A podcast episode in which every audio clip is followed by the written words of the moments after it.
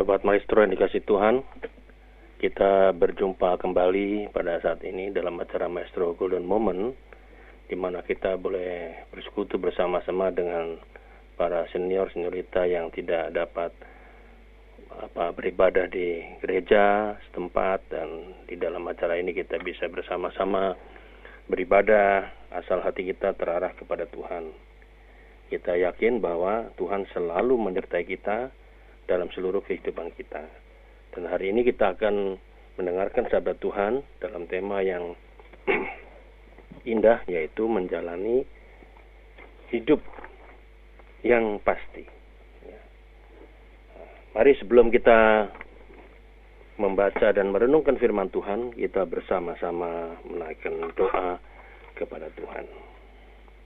Tuhan, kami mau belajar bersama firman-Mu. Kiranya firman-Mu ini akan memberkati kami di tengah-tengah perjalanan kehidupan kami masing-masing. Sehingga kami dalam menjalani hidup ini, kami menjalani hidup yang pasti. Karena semuanya itu adalah Tuhan yang memungkinkan di dalam diri kami masing-masing.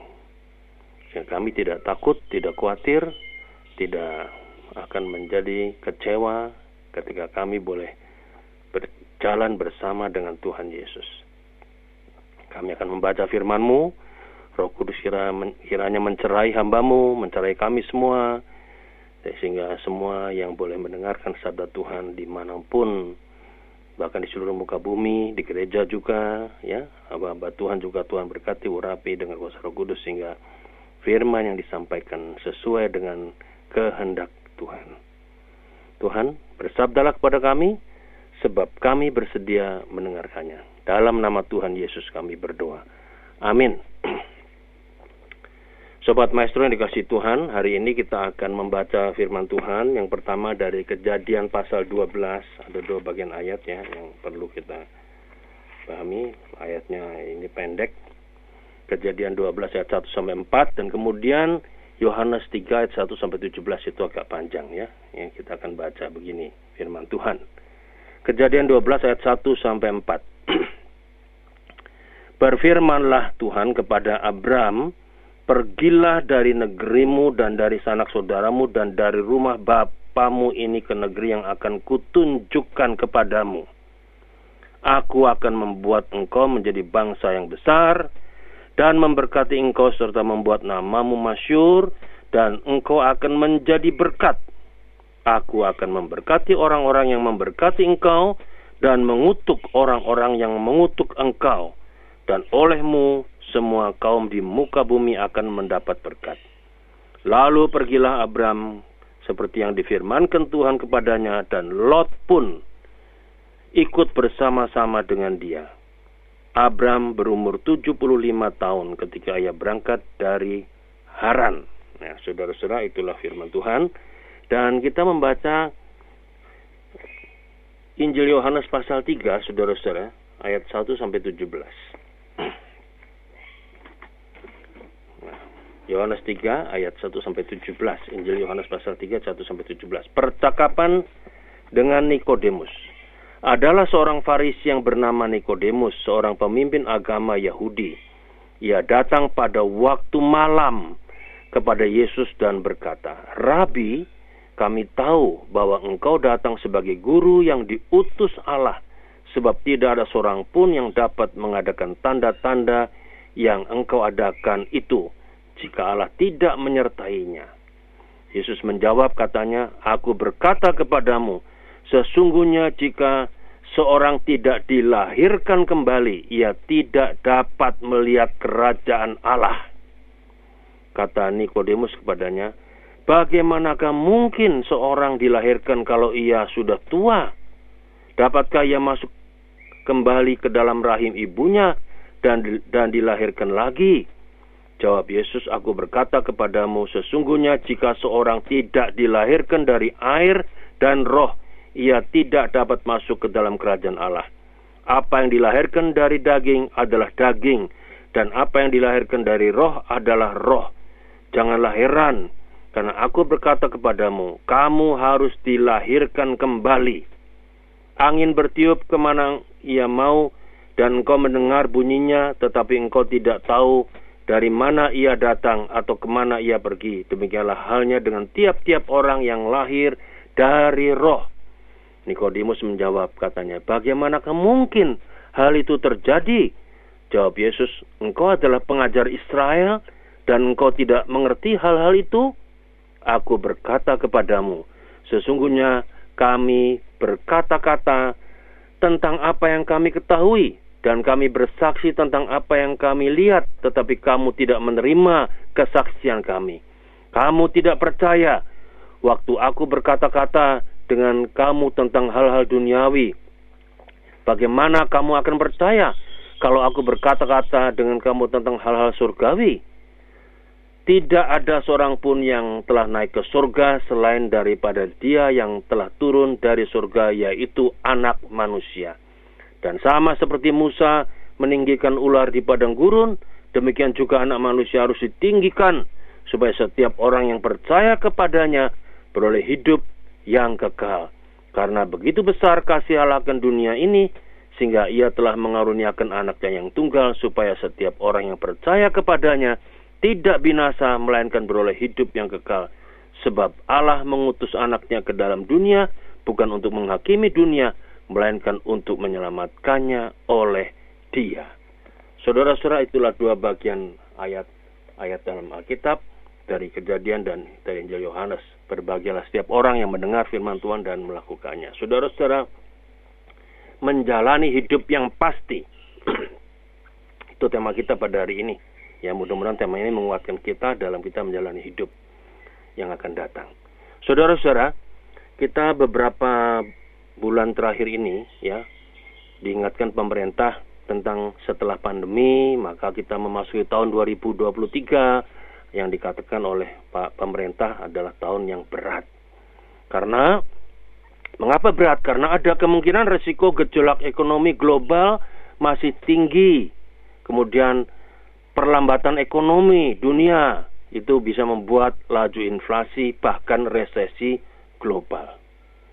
Ketidakpastian global membuat kita waspada, antisipatif, dan responsif. Itu salah satu bagian daripada pidato yang disampaikan oleh Presiden Jokowi. Ya, kalau saudara-saudara, kalau pemerintah menyatakan demikian untuk memasuki tahun 2023, bukankah dalam pengalaman hidup kita juga dari dulu sampai saat sekarang, ya, itu menggambarkan bahwa hidup yang kita alami, kita jalani tidak selalu pasti karena ada banyak hal yang tak terduga yang ada di depan kita. Entah kapan, entah bisa satu hari lagi, sebulan lagi, bisa setahun lagi.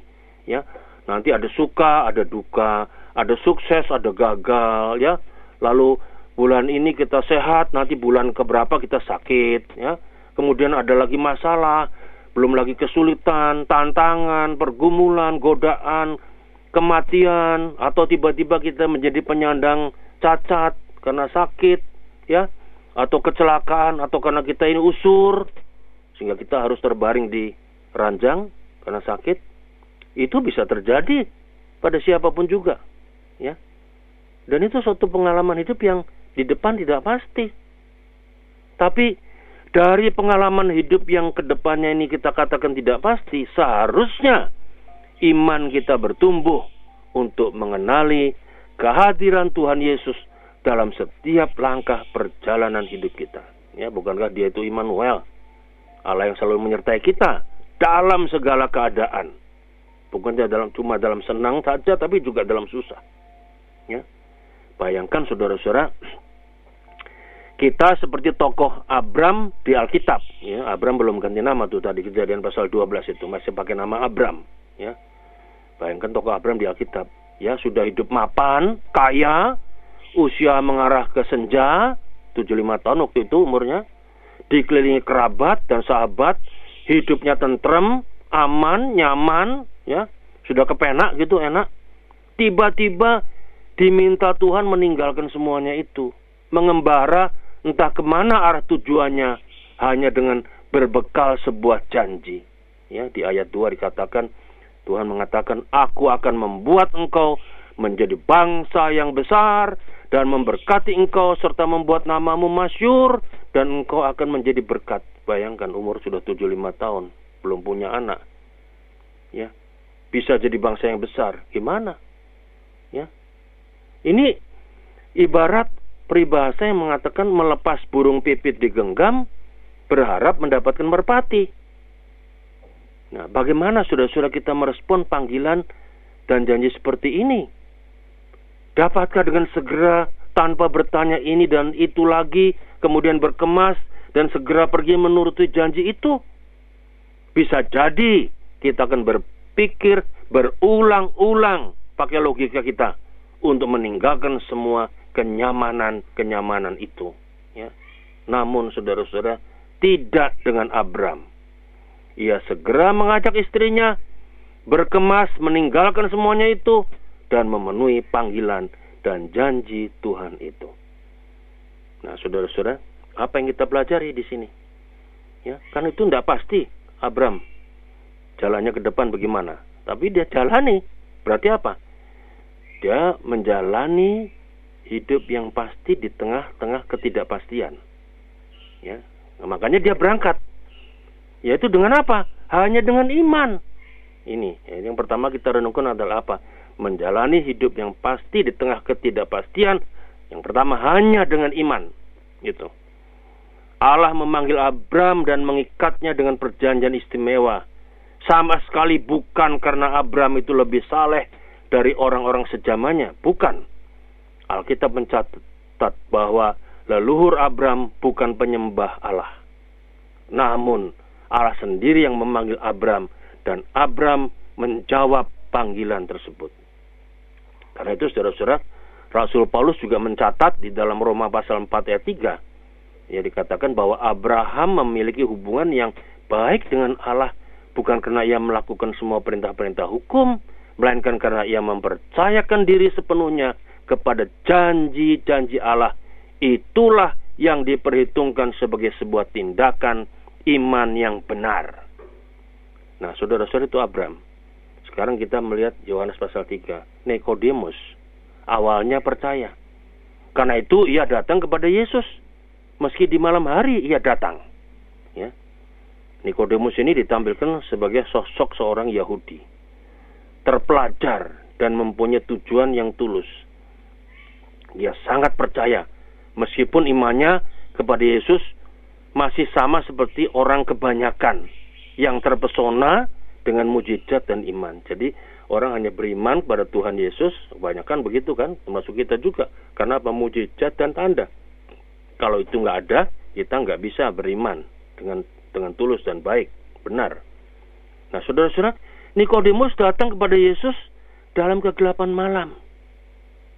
Bagi penulis Injil Yohanes, malam itu berarti gelap, mempunyai konotasi kehidupan dalam kegelapan. Kontras dengan Yesus yang tampil menjadi terang. Ya, Nikodemus meski percaya, tapi dia masih ragu. Karena itu ia memberikan tanggapan kemustahilan akan apa yang dikatakan Tuhan Yesus tentang dilahirkan kembali. Sebab itu ia menanggapi dan mengartikannya dengan dalam tanda petik masuk kembali ke dalam rahim ibunya. Sementara yang Tuhan Yesus maksudkan adalah seperti yang terlihat dalam ayat 5 dan 8 yaitu suatu kelahiran dari air dan roh. Dan itu adalah artinya dari Allah. Dari air dan roh itu dari Allah. Ya, kita lihat dalam Yohanes 1 ayat 12 dan 13 itu ada penjelasannya di sana. Maka perbuatan Allah adalah mustahil jika hanya ditanggapi dengan logika manusia. Kita akan berkata, bagaimana mungkin tetapi bagi Allah tidak ada yang mustahil. Lukas 1 ayat 37. Ya, ketika itu bagaimana Maria juga melahirkan kan? Belum bersuami, ya. Nikodemus pun bertanya, bagaimana hal mungkin bagaimana hal itu mungkin terjadi? Maka supaya Nikodemus mengenal diri Tuhan Yesus dengan baik, Yesus menggunakan cerita perjanjian lama tentang umat Israel di padang pasir yang menghadapi bahaya ular-ular tedung yang ganas gigitannya dan mematikan orang. Yaitu ada di kitab bilangan pasal 21 ayat 4 sampai 9. Karena itu Musa membuat ular dari tembaga sebagai tanda dan menggantungnya di atas tiang. Bila ada orang yang dipagut atau digigit ular, tetapi melihat kepada ular tembaga itu, maka ia tetap hidup. Nah, ini kan mustahil. Ya harusnya kalau menurut logika mesti ada tabib yang menyelamat, menyembuhkan. Tapi hanya melihat ular tedung dari tembaga itu, ya, yang ditinggikan. Jadi bisa terjadi. Kenapa? Iman sekali lagi. Ya. Tuhan Yesus juga tergantung di tiang salib. Maka setiap orang yang menderita berat, yaitu berdosa, tetapi memandang kepada Yesus di salib, ia akan diselamatkan. Saudara-saudara, apakah gerangan pesan atau ajaran yang disampaikan kepada kita dalam percakapan antara Nikodemus dan Tuhan Yesus? Dalam diri Nikodemus itu kita semua, terutama siapa pun orang yang merasa dirinya sebagai orang hebat, nomor satu, pandai, terpelajar, kuat, orang kuat, orang yang berjasa, orang yang berjiwa sosial, berkedudukan tinggi, kaya, terkenal, atau siapa pun dan apa pun yang lain yang hebat-hebat, bahkan orang yang hebat di bidang keagamaan sekalipun, ya, semua ini mencerminkan keadaan batin yang tidak pasti seperti Nikodemus. Jadi Nikodemus itu keadaan batinnya tidak pasti. Nikodemus itu adalah walaupun pemimpin agama, dia seorang yang gelisah. Karena tidak pasti. Ya. Bagaimana Nikodemus memahami perumpamaan yang disampaikan Tuhan Yesus bahwa ia harus dilahirkan kembali jikalau ia mau masuk kerajaan Allah yang diwartakan Yesus. Ia merasa sudah tua, sudah sangat berpengalaman. Ia adalah orang yang beragama dalam tanda petik tinggi, anggota Sanhedrin. Bagaimana bisa masuk kerajaan Allah? Bagaimana ia harus dilahirkan kembali? Yang dimaksudkan oleh Tuhan Yesus ialah kelahiran kembali secara rohani. Karena itu Tuhan Yesus menyatakan sebuah kepastian. Hanya iman dan iman saja manusia masuk kerajaan Allah. Ya, itu ada pada Yohanes pasal 3 ayat 15 dan 16. Ya. Karena begitu besar kasih Allah dunia ini, ya dikatakan di sana sehingga setiap orang yang percaya kepadanya tidak binasa melainkan beroleh hidup yang kekal. Ya, itu diulangi lagi dalam ayat 18, Saudara-saudara. Di mana pada ayat 18 dikatakan barang siapa percaya kepadanya, ia tidak akan dihukum. Barang siapa tidak percaya, ia berada di bawah hukuman sebab ia tidak percaya kepada anak tunggal Allah.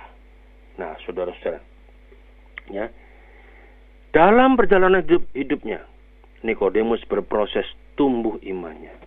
Itu dibuktikan dengan ia membela Tuhan Yesus dengan berani sekali di hadapan para pemimpin Yahudi. Ya, Yohanes pasal 7 ayat 50 sampai 52. Ya, nanti bahkan kita melihat bersama dengan Yusuf dari Arimatea ya nanti di akhir itu cerita tentang Tuhan Yesus yang mati itu dia bersama Yusuf dari Arimatea menurunkan jenazah Tuhan Yesus. Bahkan ia mengurapi dengan campuran minyak mur dan gaharu seberat 50 kati atau kurang lebih 30 kg dan mur dan gaharu itu adalah mur itu adalah minyak urapan kudus mahal dipakai wangi-wangian kosmetik perempuan. Karena harum ya baunya. Dan gaharu itu adalah juga minyak harum untuk pakaian dan tempat tidur. Juga untuk membas membalsem mayat dan harganya ini mahal. Ya, itu dibuktikan imannya Nikodemus. Jadi hanya iman iman dan iman. Abraham juga sama. Hanya iman iman dan iman. Jadi menjalani hidup yang pasti di tengah ketidakpastian hanya dengan iman. Ketika kita punya iman kita akan menjalani hidup yang pasti. Nah, yang kedua, saudara-saudara, yaitu apa? Menjalani hidup yang pasti itu, ya, ketika kita sudah menjalani dengan iman, itu berarti apa? Kita harus meninggalkan hidup lama dan menuju hidup baru. Ya. Nikodemus ini seorang yang unik. Ia simpatisan Yesus. Ia orang Parisi, pemuka agama Yahudi. Mungkin ia juga seorang anggota dari Sanhedrin, yaitu mahkamah agama Yahudi meski Farisi, ia sangat menghormati Rabi, yaitu Yesus. Ini terbukti bahwa dia menyebut Yesus apa? Rabi. Dan pengakuannya bahwa Yesus adalah seorang yang datang dari Allah dengan mengadakan banyak tanda. Ya. Yohanes pasal 32. Ya. Tuhan Yesus tidak merasa tersanjung dengan pujian Nikodemus. Ya, kalau kita begitu dikatain gitu langsung tersanjung, apalagi kalau hamba-hamba Tuhan pendeta dipuja-puji, tersanjung. Lah, maka jadi akhirnya jadi banyak yang nggak benar. Ya. Yesus tidak. Ya. Malahan Yesus beralih pada percakapan tingkat yang lebih tinggi. Yaitu berbicara tentang bagaimana caranya melihat kerajaan Allah. Dia mengatakan dalam ayat 3, Aku berkata kepadamu sesungguhnya jika seorang tidak dilahirkan kembali, ia tidak dapat melihat kerajaan Allah. Dan Nikodemus menyanggahnya. Bagaimana mungkin seorang dilahirkan kalau ia sudah tua? Dapatkah ia masuk kembali ke dalam rahim ibunya dan dilahirkan kembali? Ayat yang keempat. Tanggapan Nikodemus ini nggak nyambung. Nikodemus gagal paham dengan ide Tuhan Yesus mengenai orang yang akan masuk kerajaan Allah. Masuk kerajaan Allah berarti mengalami, berpartisipasi dalam kerajaan itu. Itu dapat dialami dengan kata Yesus, jika seorang harus dilahirkan kembali, kelahiran kembali yang dimaksud adalah dilahirkan oleh air dan roh. Apa maksud lahir dari air, air dan roh?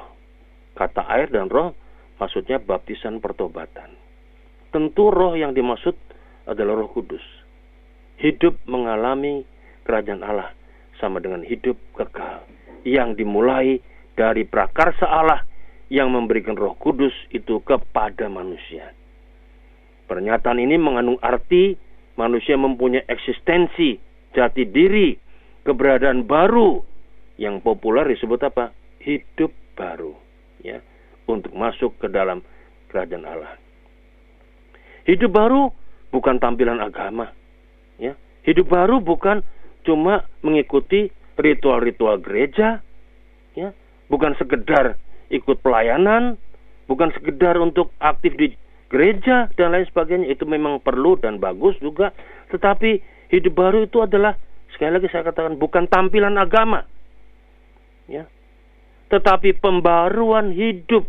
Hidup baru itu adalah hidup yang benar, bukan hidup yang keliru yang salah. Ya, itu ada di Yohanes pasal 3 ayat yang ke-21 dikatakan, "Tapi barang siapa melakukan yang benar, ia datang kepada terang supaya menjadi nyata bahwa perbuatan-perbuatannya dilakukan dalam Allah." Jadi hidup baru itu adalah hidup yang benar.